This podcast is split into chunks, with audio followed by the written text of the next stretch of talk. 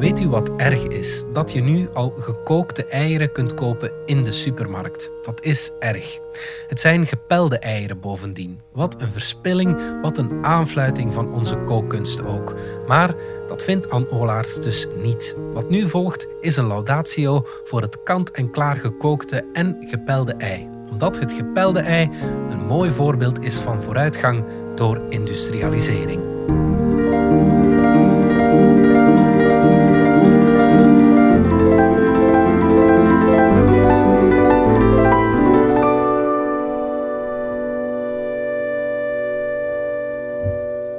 Gekookt ei. Satan heeft weer wat nieuws. Hij verkoopt nu ook gekookte eieren in de supermarkt. Gepeld en al, per twee in een doosje van plastic. Het kwaad kent geen grenzen, echt waar. Je gaat naar de hel als je zo'n ei koopt. Je wordt wedergeboren als vegetarische hond. Onmens ben je, te vatzig om zelf een ei te koken en te pellen. Hoe is het mogelijk? Waar gaat het met de wereld heen? Gelukkig dat er nog verontwaardigde mensen bestaan. Ze maken in de Carrefour een foto van het gekookte ei en flitsen het op Facebook. Taiwanese high-tech doet de rest. Met silicium, kobalt, titanium, goud en god weet wat. De hele tabel van Mendeleev wordt er doorgejaagd. Het ei schiet langs routers en nameservers heen en weer onder de oceaan door. Het gaat sneller vooruit dan de weg door een cloaca naar een mensenkeel. Eieren eten is al zo lelijk. Gekookte eieren kopen is nog erger.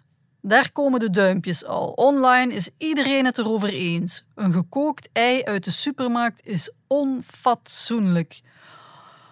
Offline vind ik het misschien geen slecht idee. Eieren koken is een gedoe van steelpannetjes, water, gasvuur, azijn, damkap en minuten. Zeven minuten. Tel je die vanaf nul of moet je wachten tot het water kookt? Daarna moet het ei onder de kraan. Het vergt al gauw een liter en een propere schotel vod. Voor een ei waarvan ik althans nooit kan voorspellen of het hard genoeg is gekookt.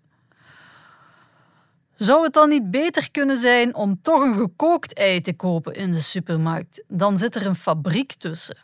En een bataljon ingenieurs met berekeningen dan weet je tenminste hoe hard je ei is gekookt. En dan weet je ook dat er is nagedacht over energie en water.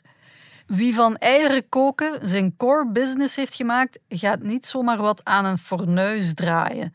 Die maakt dat zijn handel op punt staat, met temperaturen, aantallen en snelheden. Of de winst is weg. Pellen is vervolgens maar een kleintje. Machines kunnen beter pellen dan mensen. En eieren zijn geen garnalen. Trouwens, waar blijft de overtuigde individuele thuiskoker met zijn eierschalen?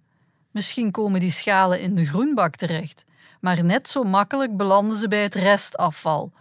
Terwijl de duivelse professioneel zijn schalen verzamelt en doorverkoopt. Kalk uit eierschalen is grondstof voor de landbouw, zoiets.